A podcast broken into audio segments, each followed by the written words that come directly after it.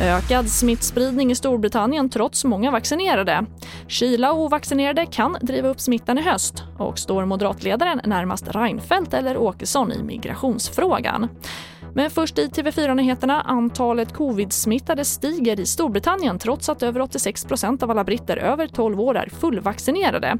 En anledning till de höga smittotalen antas vara att så många fått AstraZenecas vaccin vars effekt verkar avta snabbare än andra vaccin. Och även i Sverige är det många som fått den sprutan. Här hör vi Ali Mirazimi, professor i virologi på KI. Här har vi vaccinerat 65-åringar och uppåt med AstraZeneca och det är den gruppen man måste liksom beakta och titta på. Om, om där ser man att skyddet försvinner tidigare så att de kan eventuellt få en tredje dos. För att här har vi ett verktyg att hantera situationen med en tredje dos.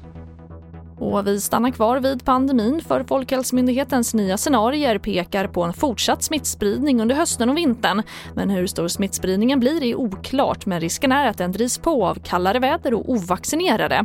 Enligt statsepidemiolog Anders Tegnell är myndigheten beredd att vidta åtgärder om smittan skulle öka dramatiskt. Exempelvis kan införandet av vaccinbevis bli aktuellt. Och vi avslutar med att idag inleds Moderaternas partistämma i Helsingborg. Runt 500 medlemmar från hela landet ska besluta om den politik som partiet ska gå till val på.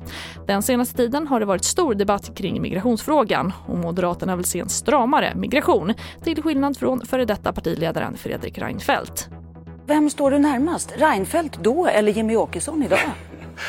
Nej, men jag tycker inte man riktigt kan se det så. Jag tror att Sverige borde lagt om invandringspolitiken mycket, mycket tidigare. Det är ingen tvekan om det.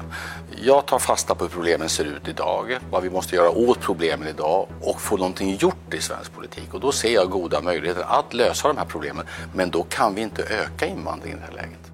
Och det sa moderatledaren Ulf Kristersson och reporter var Ann Tiberg som får avsluta TV4-nyheterna. Jag heter Charlotte Hemgren.